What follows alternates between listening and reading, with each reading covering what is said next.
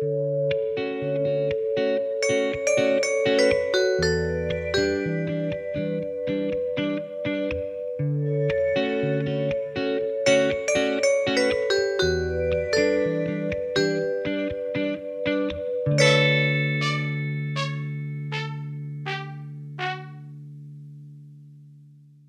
si den fascistgreia en gang til. Eh, du kan ikke stave fascisme uten sis. Jeg, jeg bare elsker det. Det er Ja, nei, du kan ikke det. Du kan ikke det. Så det, dagens podkastepisode skal handle om at vi hater cis-folk. Nei, den skal ikke det. Um, hei, og velkommen til podkasten. Kan, Jo, ikke- kan ikke du fortelle litt om hvem du er? Jeg er Sandra, Sandra Moen fra Stavanger. Nå er jeg sånn veldig vant med jobbintervju, så jeg, liksom, jeg bare hopper rett på. Bare, jeg har mastergrad i datavitenskap, jobber som frontend-ingeniør her i Oslo. Jeg bodde her i Oslo i tre år nå. Tre og et halvt, ble det vel. Mm. Og eh, jeg driver en del med BDSM, går på Nonna. Og så fekter jeg, historisk fekting. Det er ganske kult. Og slitsomt. Eh, og så lager jeg òg dataspill på fritiden min. Mm. Kult. Eh, hvilke pronomen bruker du? Jeg bruker hun. Mm. Herregud, det var jo Vi kunne ta tak i alt av det der. Jeg så jeg gikk forbi Tøyenparken her om dagen, og da så jeg noen folk som hadde på seg litt sånn vikinginspirerte kostymer, og som sprang mot hverandre Ja. med sverd Ja. eller eh, spyd. Er det din gjeng? Eh, ikke nødvendigvis. Det er to gjenger. Jeg er med i De frie duellister, som er litt sånn eh, sportsman Det er litt mer sport, da, på en måte. Sånn duellering én mot én. Og så har du òg hærkamp, som er mer lagsport, men, men de kler seg òg opp litt i sånn middelalderklær. Forskjellige typer eh, perioder, da. Tidsperioder. Det var definitivt den siste gjengen der. Den Ja, den siste. Ja. de, de sprang liksom i formasjon og hadde på klær som gjorde at jeg syntes de så Ja, artig ut. Ja, det, det her kamp. Mm. Eh, hvordan havna du inn i den hobbyen? Jeg så det på YouTube, ikke sant? Og jeg bodde fremdeles i Stavanger da, og så tenkte jeg bare det må jeg prøve. Når jeg flytter til Oslo, så skal jeg prøve det. Uh, og så gjorde jeg det, og det er dødskult. Og bare fortsett. Mm. Artig. Uh, jeg tenkte du skulle få lov til å dele Altså du kan fordele hva du vil om ditt eget liv, men jeg tenkte du skulle starte med liksom eh, transhistorien din. Nå outa jeg deg som trans, da, men de aller fleste her på podkasten er jo trans. Så det Ja. Hva skal man si? Jeg begynte å forstå at jeg var trans når jeg kom over eh, pornografi av eh, transkvinner, da. Gjerne det som man kaller shemales. Mm. Og jeg hadde liksom ikke den koblingen eh, at penis betyr mann.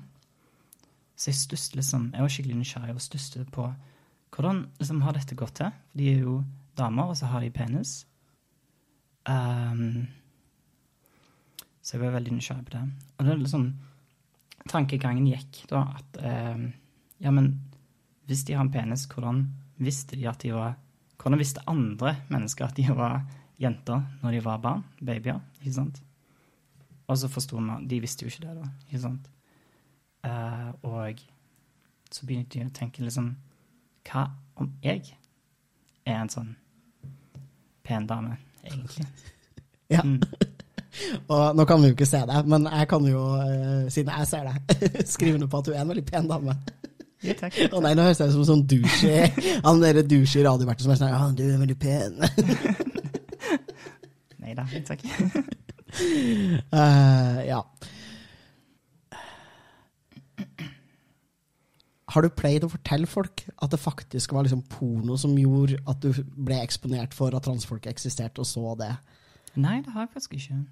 For det tenker jeg jo er eh, Det er jo en trope i turf-miljøet for tida, at folk blir trans av å se på porno, og spesielt Ja. det de kaller sånn hypnose-sissi... Sissy-porno. Ja. Mm.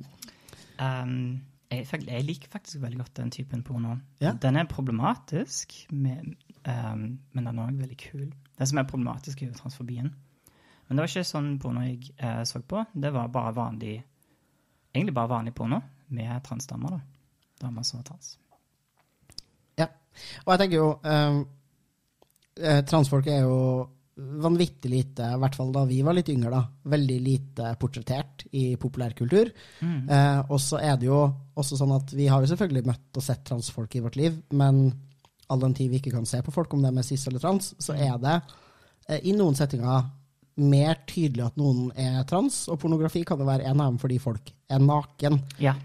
Og, og, og det er liksom eh, Selvfølgelig avhengig av hvorvidt du har gjennomført genitalkirurgi eller ikke, men Mm.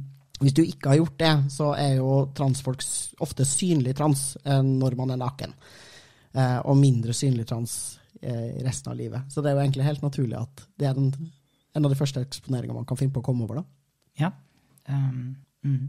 Hva, ble du flau? uh, ja, jeg sitter og forteller at jeg ser på porno. Det er, sånn, det er jo bare kult, men uh, ja, ikke Alle ser på porno. Det må, det må faen meg være greit Jeg håper det. i 2021. Altså, Jeg ikke nødvendigvis oppfordrer alle til å se på porno, men hvis du har lyst til å se på porno, så er det ingen skam å se på porno. Jeg tenker at de aller fleste Mm. gjør det.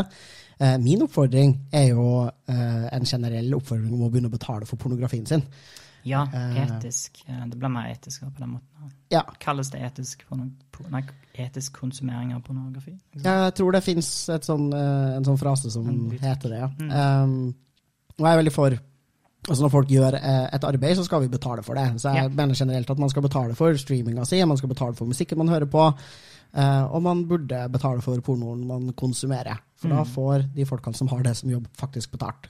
Og i tillegg, hvis man putter mer penger inn i den industrien det faktisk er, da, og inn i de bra delene av den, så vil man jo Mm. eh, ha mer av eh, det, som faktisk kalles forbrukermakt. Da. Ikke at jeg mener at det er en reell ting alltid, men da går det i hvert fall an å si sånn Hei, jeg liker denne typen porno, kan dere lage mer av det? Ja. Um, ja, så det er pro. Det var min oppfordring til alle lytterne. Hvis dere ser porno, betal for pornoen. Eh, vi skal ikke prate om porno. så, altså, vi kunne for så vidt gjort det. Um, ok, så du fant ut at du var trans. Da regner jeg med at du kanskje måtte fortelle det til noen på et eller annet tidspunkt. Når jeg først fortalte det, så var det til min kjæreste.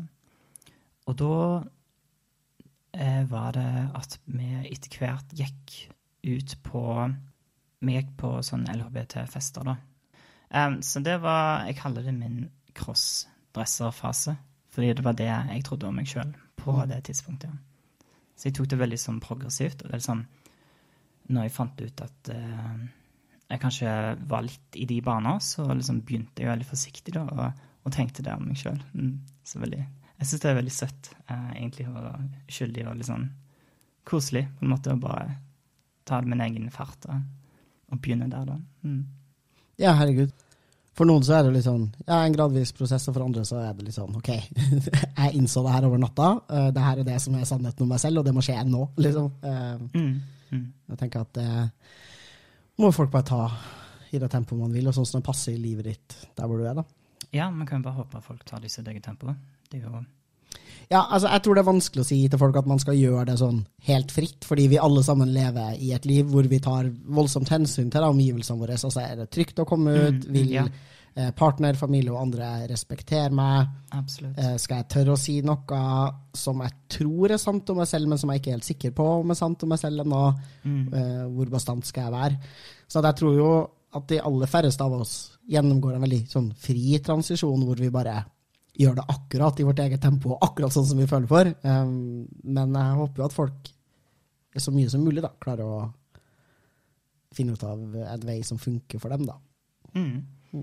Så eh, mens jeg var der i denne CDTV crossdresser-fasen, så var jo det å samle informasjon utrolig viktig for meg. Um, så der jeg begynte, var å høre på YouTube. Det var en fantastisk uh, YouTube-kanal som het Jeg vet ikke om han fins ennå. Battlestar Nei, Tranny-Star Galactica heter den. Og jeg, jeg vet jo Tranny kanskje ikke det fineste ordet, men, men det var en veldig fin YouTube-kanal. Um, og da hadde de én person hver dag som tok opp et emne de syntes var viktig, og, og snakket om det. Så det tunte jeg inn og hørte på ofte, i tillegg til andre uh, standalone, enkelte YouTube-vloggere. mm. Var det en kanal for liksom transdamer eller transfeminine folk, eller var det Alle slags transfolk, til og med ikke-binære. Ja, jeg visste jo ikke hva ikke-binære var, var på den tiden. Jeg hadde ikke egentlig hørt om det. Nei. Så YouTube var en eh, viktig kilde for liksom, informasjon og identitetsutforskning. Var Ja. det andre steder som var liksom, viktige for deg i denne prosessen? Jeg, jeg vet ikke hva tid jeg begynte med Reddit, men Reddit òg er en fantastisk plass eh, hvis man vet hvor man skal lete, eh, hvor man kan lære om, om transfolk. Um, ellers så hadde jeg òg en liten, ikke en forening, men liksom en vennegjeng, um, som jeg fant etter hvert. Sikkert Facebook. Uh, og vi møttes da noen uh, få ganger i året og hadde liksom sånn fest hvor vi kledde oss opp og litt mer pent og spiste middag sammen og snakket om ting. Så rett og slett en sånn super, veldig liten gruppe i Stavanger. Og dette er jo for um, hva blir det, sånn 15 år siden, eller noe sånt. Så det er en stund siden. Mm. Jeg tror de holder på ennå. De fins. Yes, de Ja. gjør det. Etter det, da? Hva gjorde du da? Etter det så forsto jeg at det var litt mer alvorlig, eh, og begynte å tenke på hormoner og få i gang eh, prosessen med riksen. Og nå har jeg liksom samla meg nok informasjon til å begynne å gjøre enda mer, da, enn å bare crossdresse. Um, så jeg visste kanskje ikke hva non-binary var, men jeg, jeg kaller det min uh, non-binary fase, da. Mm. At jeg går fra crossdresser til non-binary. En forståelse om meg sjøl, da. Um, og jeg tror egentlig det handler litt om internalisert transfobia. At jeg Mm. liksom ikke våger å kalle meg sjøl for kvinne eller dame. Uh, så tar jeg liksom ikke det uh, fulle skrittet der som jeg egentlig skal være for meg sjøl, uh, nemlig uh, dame som er trans. Mm. Jeg liksom nekter å forstå det om meg sjøl, på en måte. Ja, og hvordan tror du tra altså, internalisert transfobi spiller inn på det? Tenker du at, du, liksom, at kvinne var en tittel du ikke hadde gjort deg fortjent til å ha, liksom? Ja, ja, jeg tror det. Liksom, kropp, utseende og ja, habitus.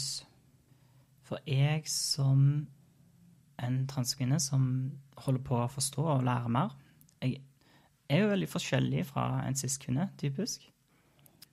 Og så våger jeg liksom ikke helt å bare Men kanskje jeg ikke innser det helt sjøl. Mm, forstår det. Mm. På hvilken måte tenker du at du er forskjellig fra cis-kvinner? Um, altså, jeg så jo ut som en mann på den tiden, egentlig. Um, og jeg vet ikke helt hva jeg skal si. Uh, kropp uh, er, er litt Det var veldig viktig for meg, da. Liksom, det er vanskelig å forstå meg sjøl som en kvinne når jeg hadde liksom en typisk mannskropp, da.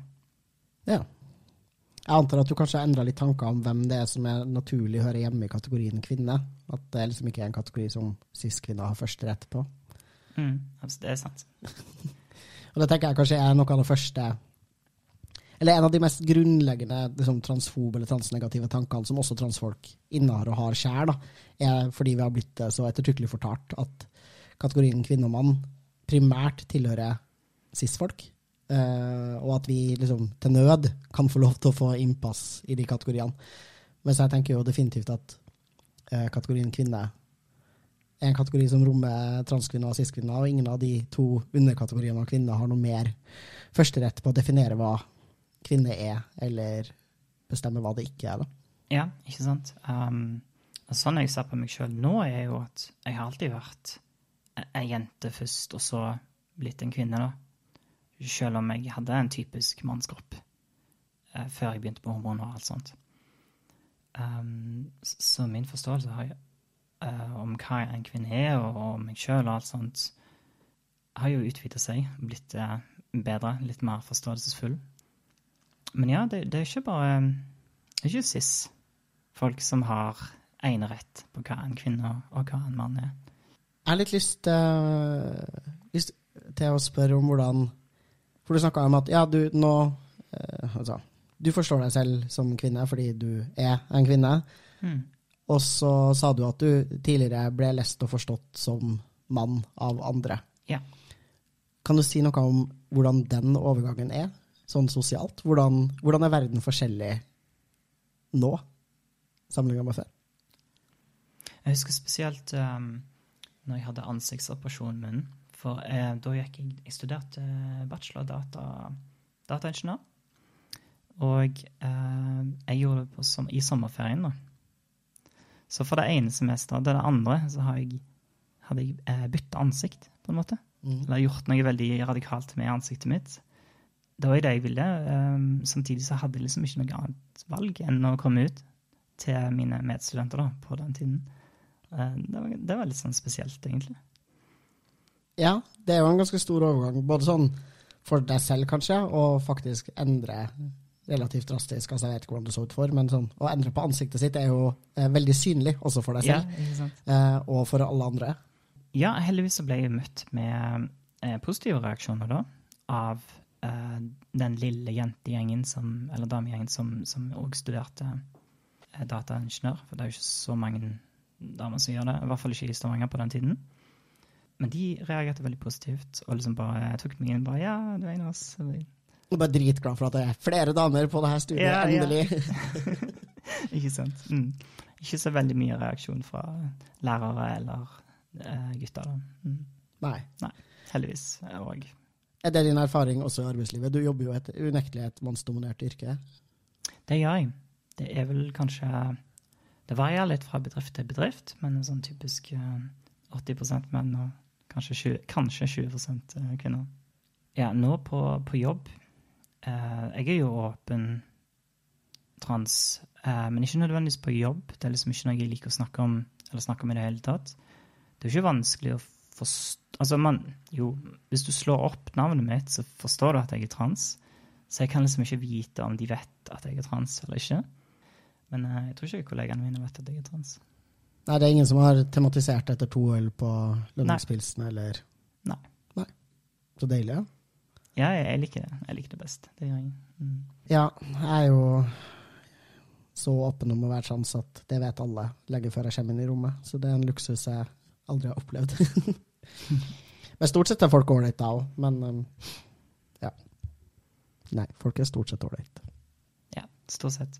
Um, vi prata jo litt om, uh, før du skulle komme her på podkasten, hva du hadde lyst til å snakke om. Og da snakka vi en del om uh, det som i våre miljøer heter transmedikalister. Ja, Uh, og jeg tenkte at det har jeg egentlig lyst til å prate litt om. det om. du lyst til å snakke om. Ja, og vi har snakka før på bloggen Eller bloggen. før på podkasten har vi hatt en episode som heter Trans mot trans, som jeg anbefaler å stikke og høre. Hvor vi liksom har prata om eh, transfolk som poliser andre transfolk sin transness, eller transhet, og som er liksom opptatt av hvem det er som er ekte trans og ikke. Men jeg tror, Mm. ganske sikker på at vi ikke introduserte begrepet liksom, transmedikalist. Du nevnte det. Ja, ok. Du nevnte det. Uh, men uh, vi Det er et tema jeg tenker at det er verdt å snakke om. Ja, det kan vi. Så transmedikalist, hvordan ville du definert det begrepet? Transmedikalist. Så det er to ting som er viktige, som definerer en, en transmedikalist. Um, det er holdningen tankesett om at man er nødt, hvis man skal være trans, er man nødt til å oppleve kjønnsdysfori. Man er nødt til å ha det. Og uh, den andre er at man da selvfølgelig gjør noe med det. Uh, og det er da typisk hele pakka, liksom. Uh, nå sier jeg hele pakka med litt sånn quotation marks, fordi man velger jo sjøl hvor, hvor langt man har lyst til, eller hva man har lyst til å gjøre. Men eh, da er det jo hormoner, og så er det genitalkirurgi som er viktig for transmedikalister. Mm. Og er det bare transfolk som er transmedikalister, eller finnes de blant cis-folka nå? Eh, det er kun transfolk, ja. Det er sånn innad horisontal eh, oppression. Ok, for, det, fordi for meg så er det jo opplagt, ikke sant? At du er nødt til å verken oppleve kjønnsdysfori eller gjøre eh, store endringer med kroppen din for å være trans. Det håper jeg at alle lytterne våre har fått med seg by now at det ikke er sant. Men hvor tenker du at liksom, ideen og konseptet kommer fra? Det er en, eh, det er en appell til eh, cis-folk, altså eh, eh, leger og ja, her i Norge Rikshospitalet. At man gjør en appell til de liksom Please, kan vi få lov til å være eh, trans? Og vi skal liksom oppføre oss Hvis vi oppfører oss skikkelig, så håper vi at du gir oss det vi har lyst på. Og da poliser man liksom andre transfolk da, som ikke eh, møter eh, Rikshospitalet. Det som de har lyst på. Og det går jo typisk, veldig typisk eh, fort utover eh, ikke-binære. Spesielt med, tanke, med, tanke på det at man, at man eh, per definisjon en transmedikalist vil si at eh, man må ha, gjøre kirurgi. Og hvis du ikke har lyst på kirurgi, så er du ikke trans, liksom. Så er det liksom, ja, toppelig. Ja, og jeg har sett uh, liksom, eksempler fra transgrupper hvor jeg har hunget, hvor uh, man liksom har shama transmenn som f.eks. ikke har fjerna eggstokker og livmor. Ja. eh, eller transmenn som ønsker å være gravid. Uh, hvor man er sånn derre ja, virkelig springer cis-folkene sitt ærend da, i å skulle liksom, rope til folk at du er ikke ekte trans, du kan ikke være mann og samtidig ha eggstokker og livmor hvis du skal gå gravid, så er det sånn, da er du opplagt ikke mann. Eh, og tilsvarende argumenter brukt mot kvinner. da. Mm. Og det er veldig Det fascinerer meg at man Eller det jeg syns er mest fascinerende med det, er at man kan få seg til å si setningen 'du kan ikke være mann og ha livmor og eggstokker samtidig'. For da får jeg så lyst til å spørre de her transmennene når er det du tenker at du ble en mann? Eh, fordi da, da, er jo deres opplevelse nødvendigvis sånn at de er kvinner fram til det tidspunktet de fjerner livmor og eggstokkene sine. Ja, den er før. Eh, og da blir jeg sånn eh, Ja, OK, men hvorfor gjorde du det da? For, fordi da, da, blir det jo helt meningsløst for meg. Hvorfor skulle du ønske å bli et annet kjønn enn du faktisk opplever å være? Eh, for dem, det, det, forutsetter på en måte at opplevelsen følger kroppen på en måte som transfolk i utgangspunktet er et levende bevis på at man ikke kan. Ja. Og det er så logisk inkonsekvent for meg at jeg blir helt sånn fascinert over at de kan få seg til å tenke det i det hele tatt. Ja, liksom hvis du har hatt genitalkirurgi, så plutselig er du cis. Mm. Ja. Det er rart. Ja, eller at du ble ditt kjønn i det øyeblikket genitalkirurgien ble utført. Som om noe drastisk i livet endra seg av hvor mye mm, mm. Uh, genitalia du har, og hvordan de ser ut, liksom. Ja. En måte å forstå seg sjøl på. Tenke gjennom seg sjøl på denne måten å forstå trans på er, er definitivt noe som veldig mange eh, cis-folk også deler. Eh, altså Hele Rikshospitalet er jo bygd opp rundt en idé om at ja. eh, det finnes ekte og uekte transfolk. Og uekte transfolk kommer i mange utgaver. Det er dem som feilaktig tror at de er trans, og så er det dem som har liksom, ikke-normative behov da, når det kommer til helsehjelp. Ja, ja. Og man har jo for så vidt sett mange folk gå fra og kanskje i utgangspunktet være ganske sånn transmedikalistisk eh, innstilt selv. Mye fordi man har internalisert transfobi osv. Det som kanskje fascinerer meg mer, er de menneskene som går andre veien. altså Som starter med å være ganske ålreite transfolk, som er åpen for at transfolk er forskjellige, og som er sånn her eh, Jeg er trans helt uavhengig av din opplevelse av å være transperson. Og så blir de mer konservative og kjipe med årene. F.eks. Liksom Buck Angel. Har du fulgt utviklinga hans? Det har jeg ikke. Jeg Nei. kan ikke så mye om han. Men uh, ellers utenom Jeg har ikke sett så mye til akkurat det fenomenet som du snakker om at man liksom blir mer konservativ. Man vil jo tro at man alltid blir mer åpen. Eller håper. altså, de fleste gjør jo det. Og mm. uh, det snakka vi litt om den episoden som heter Trans mot trans også, at uh, når man bærer med seg mye internalisert transfobi og er tidlig i sin egen prosess, så er det mm. eh, letta for folk å gå med på denne her eh, transnegative retorikken og kanskje ha de her tankene. Da, at det er viktig at vi er flinke transfolk, at det er viktig for at jeg skal bli respektert, at de andre transfolkene også oppfører seg ordentlig. Og så innser man etter hvert at det her er jo ja, mm. transfobisk tull, liksom, og så plukker man det av seg. Uh, men Buck Angel er et eksempel på en fyr som har gått liksom, fullstendig i annen retning. Han er uh, pornoskuespiller, det han i utgangspunktet ble kjent som. Uh, a man with a pussy, liksom. Um, og var veldig kul og liberal, og et av mine, liksom, mine store forbilder når jeg kom ut. Yeah. som en av de første liksom, synlige transmennene så, som også hadde en seksualitet, og som ikke var redd for å vise den seksualiteten, og som ikke yeah. skamma yeah. seg. Og nå har han blitt helt crazy konservativ, liksom, og kaller seg selv for Turf, og liksom reclaima det, fordi Turfsa elsker mm. da. Uh, og han er sånn derre driver og roper om at han er en biologisk kvinne, og at um, yeah, yeah. eh, ikke-binære er tull, og uh, er skikkelig sint da, på transmiljøet. det er veldig artig. Um, er det litt sånn kjipt for deg? Liksom, ble du skuffa, eller liksom let down? Jeg tror Altså, jeg blir ikke så skuffa personlig, fordi han er ikke så viktig for meg lenger. Fordi okay. mm. Whatever, jeg er ganske trygg i identiteten min. Jeg tror mest av alt at jeg blir liksom genuint trist Trist, ja. uh, på hans vegne og på transmiljøet sine vegne. Uh, jeg tenker at han er et uh, sånn tydelig symbol på at vi går i feil retning da, når det kommer til liksom hele diskursen rundt transfolk. Hele historien og samtalen om transfolk er i ferd med å bli en helt forferdelig debatt, hvor man krangler om at vi ikke finnes og ikke syns vi er bra nok. Og så tenker jeg at det må være veldig vondt for han personlig, fordi det er helt tydelig at han har internalisert vanvittig mange transnegative, forferdelige tanker om seg selv. Ja, ja. Um, jeg tror jo ikke det er noe sunt for folk å stå og liksom brøle 'jeg er biologisk something, something'. Jeg bare sånn, ja, hva, hva gjør det med selvforståelsen din? Liksom? Det kan jo mulig være spesielt digg. Mm, at det er vondt på en måte. Og um, å forstå seg på en eh, litt trangere måte, da. Mm. Jeg har alltid tenkt det, at det å liksom ha en sånn genuin forståelse av å være født i feil kropp, eller andre sånne floskler, at Ja. det Du har, faktisk liksom, du har liksom feil rett der i eh, uttrykket. Feil kropp. Liksom. Ja, Det er jo en moralistisk overbeviselse. Over, overbeviselse. Mm. Ja, det er det. Eh, og jeg tenker at han er dårlig for din egen selvfølelse. Eh, men så kan jo ikke jeg selvfølgelig bestemme hva andre folk skal føle og tenke. Men jeg bare skulle ønske at flere folk hadde frihet til å ikke føle og tenke på den måten, da. Ja, ja. Men ja.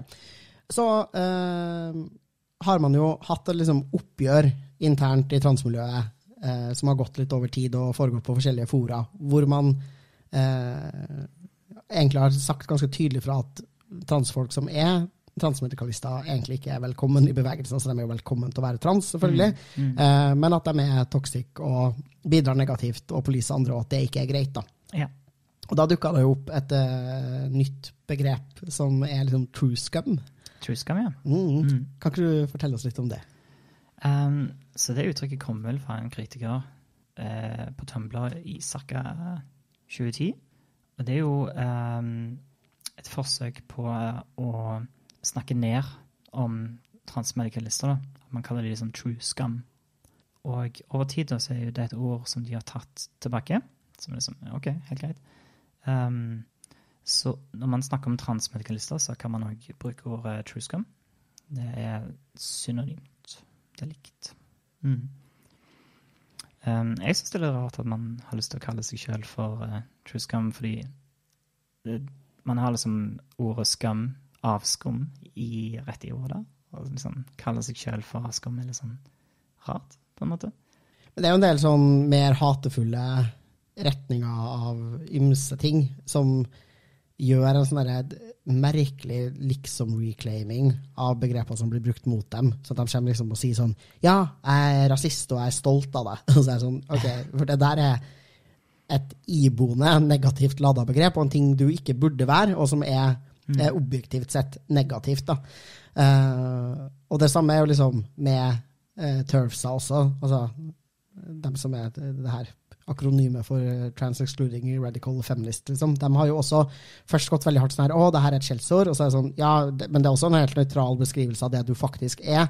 Og ja, vi mener at det er negativt, så du må gjerne kalle det et skjellsord. Eh, og så ville med at vi ikke skulle kalle dem det. Men nå blir de liksom liksom reclaimer det. Og jeg sånn her, Ja, eh, jeg er en turf. Ja, men uh, var ikke det det de kalte seg sjøl når de begynte, egentlig?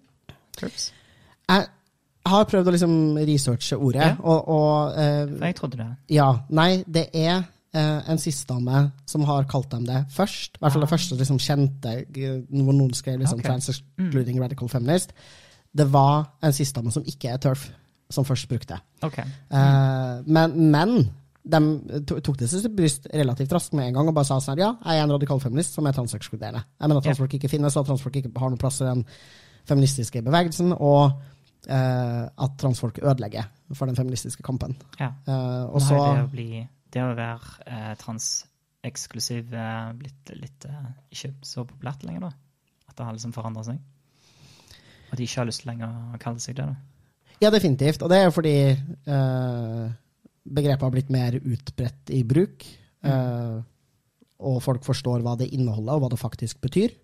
Og folk forstår at den betydningen er negativ og dårlig. Altså at du Ja. har bestemt deg for at en gruppe mennesker, en liten sårbar minoritet, er ræva. Og det kan vi ikke godta. Så det er for så vidt bra. Um, men de er jo også en uh, bevegelse som stadig rekrutterer nye folk, og som får mer okay. penger. Altså, Tøfsa er velorganisert, mye mer enn det de var før.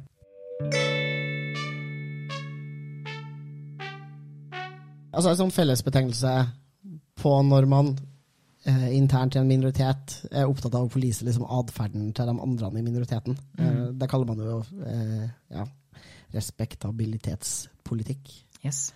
Og det er en form for eh, horisontal undertrykking, at man liksom poliser hverandre. Og eh, en appell til moderasjon, da, egentlig. At man skal liksom eh, prøve å passe mer inn i bildet til de som undertrykker den minoriteten, da. Mm. En strategi. En strategi. Er det en effektiv strategi? Et lada spørsmål svarer selvfølgelig nei, men hvorfor er det ikke en effektiv strategi, tenker du? Ja, ikke sant? For man håper jo på å få kredibilitet og legitimitet av eh, de som undertrykker. Men uh, det som gjerne skjer, da, at, man, at det blir liksom seksjonert. Det blir liksom delt, på en måte. At man uh, ikke bare opplever eh, undertrykkelse og kjipe ting fra de som undertrykker, men òg liksom fra sin egen gruppe, da. Ja, og er det noe undertrykte grupper ikke trenger, så er det jo mer undertrykking, Mm. tenker jeg. Nemlig. Så, jeg tenker jo også at det er en sånn Du har på en måte misforstått undertrykkeren din hvis du tror at de vil slutte å undertrykke deg hvis du bare oppfører deg ordentlig. Eh, da skjønner du ikke til hvilken ekstent til hvor omfattende hatet deres faktisk er. da. Eh, og de her for eksempel, er veldig opptatt av at ok, noen transfolk eksisterer. De som gjennomgår all tilgjengelig medisinsk behandling, og som oppfører seg pent som kvinner eller menn, og aldri snakker om at de er trans. De syns vi er greie. Og så tenker jeg sånn, men gjør dere det? Fordi de gjør jo ikke faktisk det. De later som de syns at noen er noen i denne minoriteten er greie og oppfører seg ordentlig, og dem respekterer vi. Men det er jo ikke en ekte respekt. Ja, ikke sant? Så jeg tror nok hvis de hadde fått det sånn som de ville hatt det, da, at det hadde vært veldig trangt å være trans, egentlig. Sånn supertrangt. Ja, jeg tenker at det er deres ultimate mål er at ingen skal orke å være det. da. Og man skal gjøre det så kjipt for transfolk å være trans at øh, ingen orker å være det. Ja. Eh, at man enten later som man er sist, eller bare slutter å eksistere. da. Mm. At det er det siste skrittet, liksom. Ja, jeg tror, jeg tror ikke på at noen faktisk tenker sånn ja, hvis alle transfolkene bare oppførte seg på en spesifikk måte, så skulle vi latt dem være i fred. Det er jo ikke sant. Um, Mm, -hmm. jeg kjøper det i hvert fall ikke. Og så vil de jo bare Det er jo den makta undertrykkerne har, all den tid vi vil fortsette å la dem være undertrykkere, og de fortsetter å ha den makta og ikke gi den fra seg, er jo at de til enhver tid bare kan forandre definisjonen av hva som er greit Ja. og hva som ikke er greit. Og det, det skifter Mm. de jo på stadig vekk. Eh, og bare finne på nye regler som minoriteten må forholde seg til for å bli respektert og eh, få rettighetene sine oppfylt. Da. Um, Og all den tid de fortsatt si, alltid sitter på den makta til, til å definere hva som er greit og hva som ikke er greit, da, så Ja. lever man et helt sånn liv i nåde da, på majoriteten sine premisser. ja. Det funker jo ikke i lengden, eller i det hele tatt, egentlig. Nei, det funker jævlig dårlig. uh, ok, men hvordan er det vi For jeg ser jo en del, når det her diskuteres da, i, i transforum på internett, så, så blir uh, temperaturen kan bli ganske høy. Uh, noen Ja. folk er lei av å høre de her transmedikalistargumentene. Uh, fyre raskt på alle pluggene, og det syns jeg jo man er eh, fullstendig i sin fulle rett til å gjøre. Um, men hvordan, hvordan kan man faktisk liksom jobbe med de her holdningene i transmiljøet? Hvordan er det vi burde møtt hverandre, eller skapt et rom hvor folk ikke får de her holdningene, og også hvis de først har fått dem, klarer å slutte med det? Og er det vårt ansvar som transmiljø? Er det vårt ansvar? Ja, kanskje, kanskje det er det. Jeg vet ikke. Um, man må liksom ta imot og, og lære litt opp. Det syns jeg. Bare for å snakke om litt annen ting. Jeg, ser, jeg er litt frustrert, for jeg deltar jo i PKI sine Facebook-sider en del. Og det kommer liksom alltid opp uh, ikke-binære mennesker som er frustrerte at de ikke får hjelp av Riksen. Uh, og, men samtidig så forteller de Riksen at de er ikke-binære. Og da har jo jeg lyst til å bare ønske at det skal være en litt sånn eh, At man lærer de opp at sånn er Riksen, og hvis du har lyst på hjelp, så ikke, ikke si det, liksom. Um, så ja, jeg tror kanskje det er et litt ansvar å ta imot og, lære opp. For man finner jo ikke um, transteori så, så lett. I hvert fall ikke når jeg kom til det. Ja, jeg er for så vidt enig på samme tid som jeg tenker at hvis vi, hvis vi ber ikke-binære folk da, om å late som de er binære, om vi så sier bare lat som det er akkurat når du er på Rikshospitalet, så får du tilgang til det du vil, Ja. da ber vi dem jo også om Ja. å modifisere identitet og atferd og kjønnsuttrykk Ja. for å få innpass hos majoriteten. Mm. Og det tenker jeg jo at er grunnleggende problematisk, men definitivt en strategi som man burde presentere for folk som en mulig strategi å velge i sitt eget liv, fordi det faktisk vil utløse noen rettigheter. da. Mm. Uh, på samme tid som Og det mener jeg ikke at det er transfolk sin skyld, verken som enkeltpersoner eller kollektivt, men det som jo har skjedd som en konsekvens av at transfolk nettopp har gjort det her, da, lært opp hverandre um, og sagt fra veldig tydelig sånn for å få kjønnsbekreftende behandling, så må du si og gjøre de her og de her tingene. Så har jo vi gått og sagt og gjort de her og de her tingene for helsepersonell, som gjør at de har fått bekrefta sin idé om at det er sånn transfolk er.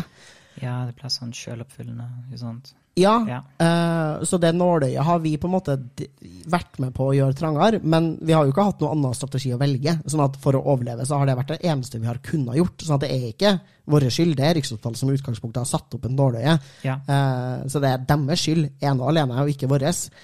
Um, men da er det jo også litt kult da, transfolk velger, hvis man vet at det valget har den konsekvensen at du ikke får kjønnsbekreftende behandling, som det Ja, jo har for ikke-binære. Hvis du vet det, så er det jo jævlig kult at folk sier fra. Mm. Uh, og går på Rikshospitalet og bare sier sånn her, jeg er ikke-binær. For det skjer jo, riktignok, Rikshospitalet Det er er håpløst, og det kommer aldri til å skje noe faktisk reell endring der som gjør at de blir kule noensinne ever. Liksom. Riksen må legges ned, og det må bygges opp noe annet. Men det skjer jo noe endring ved at de i hvert fall i det minste vet at det finnes ikke-binære ja, folk. Mm. Det, når, jeg, når jeg leser disse tingene som folk skriver, og så ble jeg eh, motivert Jeg ble sånn motivert empatisk, bare, for jeg vet jo hvor kjipt det er å ikke eh, få det du trenger, og det, det er ganske viktig.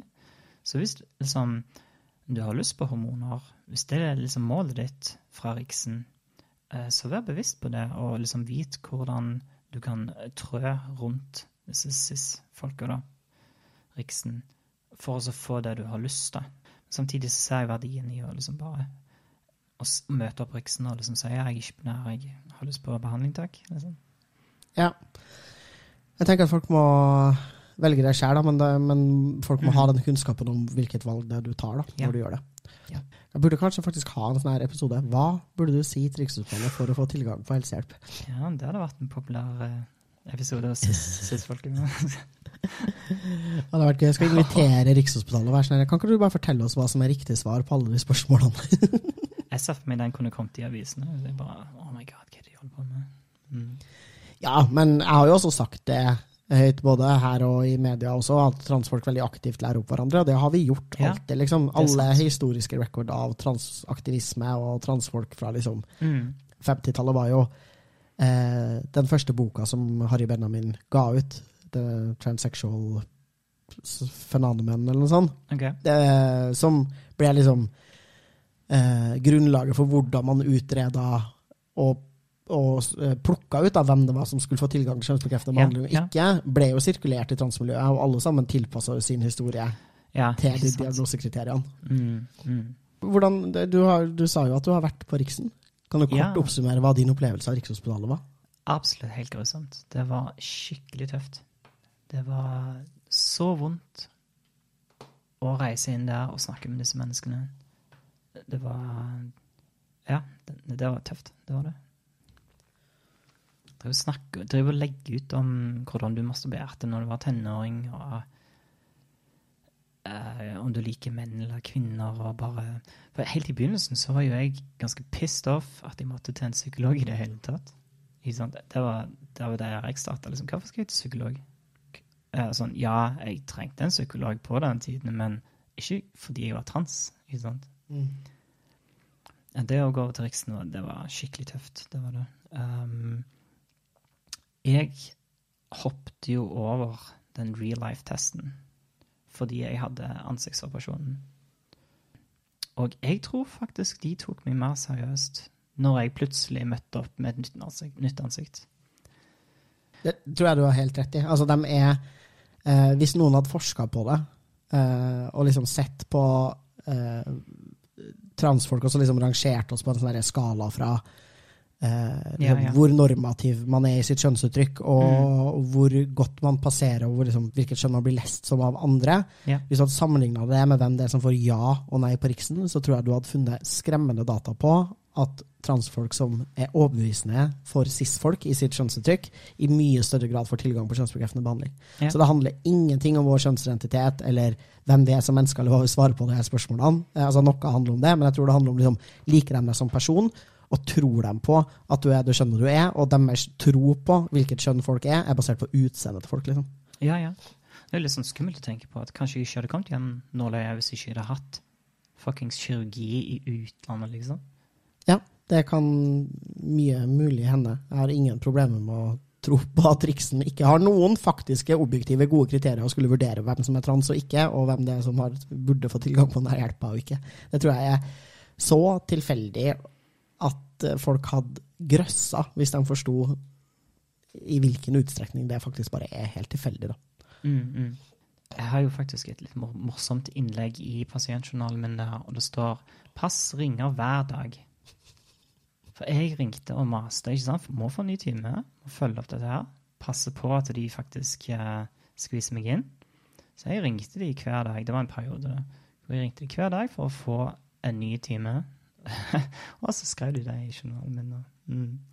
Så jeg gikk på Rikshospitalet når um, den berømte Ira Haraldsen regjerte. Så jeg har møtt henne, jeg har snakket med henne, og jeg tror kanskje det verste møtet var med hun og en eh, overlege psykiater fra Stavanger, da. Og hun der eh, spesialsykepleieren. Kjersti Gulbrandsen. Yes, hun der. Og så jeg satt der, ikke sant, med to overleger og ei til, og de bare ramser opp alt de syns var dårlig og feil med livet mitt. Sånn, i en alder av 27 år så er du ikke gift. Du har ikke barn, du er ikke ferdig med utdannelse, du har ikke jobb. Liksom, du bor fremdeles hjemme. De bare satt, og jeg bare tok imot det, det, var, det var ganske tøft. Mm. Jeg kommer aldri til å klemme den der du er ikke gift. Det er liksom, Hva slags argument er det for å ikke gi noen eh, et medisinsk tilbud, liksom? Det er jo helt absurd. Ja, men det er jo helt typisk Riksen. Det du må være i full jobb og bevise at du er flink, men ikke for flink. For det må være et potensial for bedring. Eh, Så du må også kunne bevise at du blir Det Ira Halsen sa til meg, hun var eh, denne timen jeg hadde med henne, var veldig sånn her fordi det var jo ikke sånn at hun snakka med meg om mine behov, hun satt jo bare holdt et sånn politisk innlegg og et slags Ja, ja, forsvar ja. for egen praksis, og da var veldig opptatt sånn her Vi bruker utrolig mye penger på dere. Oh, Eh, det her er kjempedyr behandling. Og for at det skal være verdt det, så må vi vite at dere blir bedre samfunnsborgere etter denne behandlinga enn det dere var før. Jeg vil ha en god avkastning på det. Da. ja, Så det var liksom, jeg var sånn OK, jeg må Er bli en sånn bedre usikker på om jeg har lyst til å investere i om du skal få lov til å leve eller ikke. Kan du liksom bare legitimere deg sjøl? Ja. Vær, så- snill. Hvor mye skatt uh, tror du at du kommer til å tjene, betale om ti år? Det er Ja. viktig for meg at du betaler mye skatt. Det blir Du litt sånn. Så ikke bare er de portvoktere for liksom, transfolk, men òg at man er liksom en anstendig borger, Ja. på en måte. Det er jo helt søkt. Og en anstendig borger er gift og har jobb Ja, og oppfører seg pent på alle mulige måter. Ja. Det var vel dagens eh, Riksen-diss. Det er jo viktig for meg å disse Rikshospitalet hver gang jeg inviterer noen på denne podkasten, så jeg er veldig glad for at du kunne bidra. Jo, vær så god. jeg har mer òg. Ja, eh, du kan det, eller hvis du vil, eller vi kan si at det holder for denne gang. Jeg eh, det, blir, det blir bedre på en måte, men jeg, jeg tenker Jeg har en del vondt med det som har skjedd på Riks, Rikshospitalet. Ehm, det som har skjedd der, ja. Det har jeg fremdeles den dag i dag. Og det er vel seks år siden, eller syv, seks-syv år siden, jeg gikk til ehm, utredning, som vi kaller det. Mm. Mm. Men jeg har jo fremdeles kontakt med de da, fordi jeg, jeg har lyst på kirurgi litt videre. Um, og det er alltid det er superanspent å gå uh, nedover den korridoren for å så komme helt inn til D5, eller hva det heter. Mm. Og jeg merker på meg sjøl at jeg reagerer nå på mennesker som har hvit frakk på seg. når jeg ser mennesker som har hvit frakk på, på seg, så liksom det er sånn, det brer seg en slags vondhet. Bare sånn lite grann gjennom hele kroppen. Det er liksom mm, en trigger. Ja, ja. Og jeg har snakka med så mye transfolk som får angst av å se bilder av Rikshospitalet i avisa, som får noia når 18-trikken som det står Rikshospitalet på, kjører Ja, forbi ja. dem på gata. liksom. Altså Som får liksom, ja. Mm. får regelrette flashbacks av å se Yes. Rikshospitalet på 18-trikken. Mm. Eh, og det skulle jeg ønske at folkene på Rikshospitalet bare tok på alvor. Sånn her, Dere traumatiserer oss, liksom. Det er ikke oppgaven deres. Ja, det er òg forstående, fordi at jeg, de, jeg tror ikke de ser det i det hele tatt. Det er liksom helt ingen forståelse for det. Ja, ja. Jeg burde kanskje sende podkasten min opp til Rikshospitalet og si sånn Hei, her har dere Vi får se. Ok. Tusen takk for at du kom på podden og delte litt om livet ditt og fekting, transmedikalister, Rikshospitalet og annet. Jo, Ja. jo, takk. Det var kjekt å, å komme her. Mm. Så bra. Så håper jeg uh, at du fekter videre, og at eh, de vonde følelsene knytta til Rikshospitalet blir mindre vond med tida. Mm. Mm. Det håper jeg. Takk. Woop, woop. Jeg heter Luka Dalen Espeseth. Takk til Martin Skjold for den nydelige Trans-Norge-musikken, og til Thomas Westervold Hansen for den grafiske profilen til podkasten vår. Følg Trans-Norge der du lytter til podkaster for å få med deg alle episodene av podden, og send oss gjerne spørsmål og tema dere har lyst til at vi skal ta opp her på podkasten. Og meld deg gjerne inn i PKI på nettsidene våre www.sjonsinkongruens.no.